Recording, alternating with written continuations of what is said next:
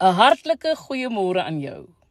Rigters 5 vers 7 sê: Die lewe buite die stede het in Israel gekwyn en agteruit gegaan totdat ek Debora na vore gekom het totdat 'n moeder in Israel na vore gekom het.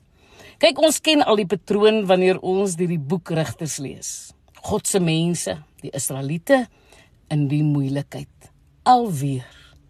Dit was deur hulle eie toedoen. Hulle het weer dinge gedoen en met afgode gelol wat hulle van God laat wegdryf het. So het die Here die volk weer aan 'n vyand oorgegee. En hierdie keer was dit Jabin, die koning van Kanaan. Hy het deur sy magte die Israeliete 20 jaar lank onderdruk. Wanneer jy menslik daaroor dink, was Israel nie opgewasse teen die hoof van koningin Jabin se weermag nie. Sisera het 900 eysterwaans gehad.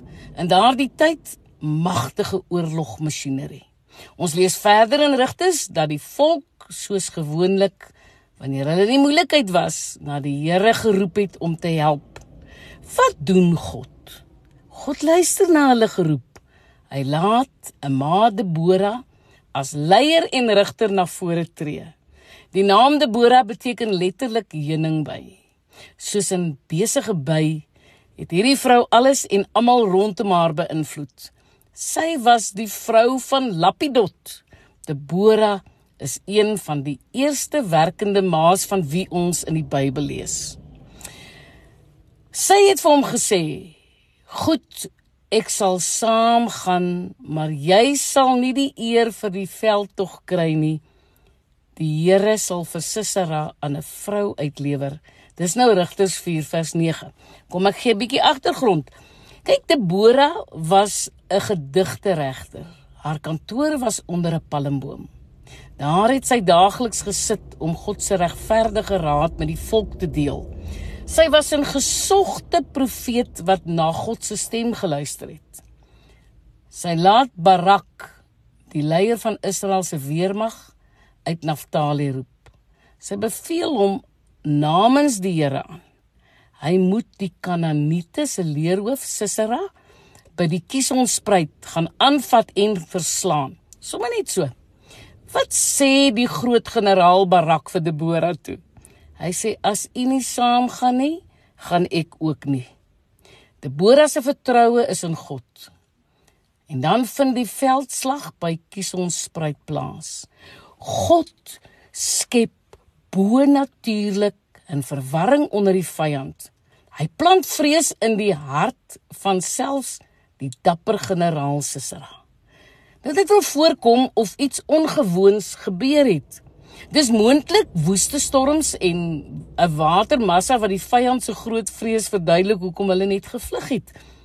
Nou Sisera laat sy magtige eysterwa agter. Ja, hy spring van hom af en hy vlug want hy dink nie meer helder nie.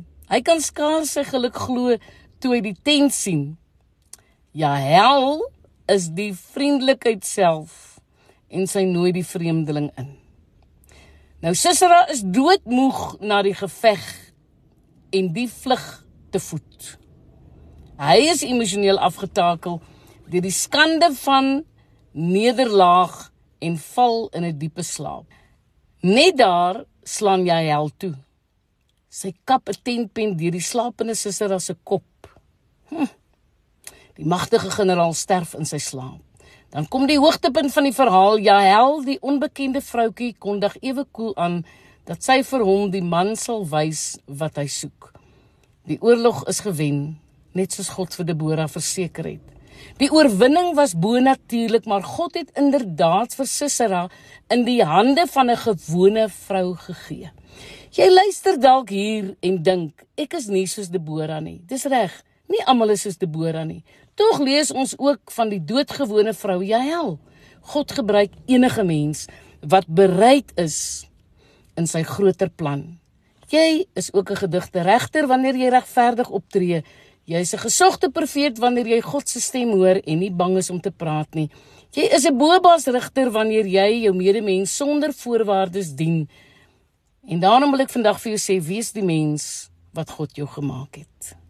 Ek is Lenet Beer vir Radio Kansel.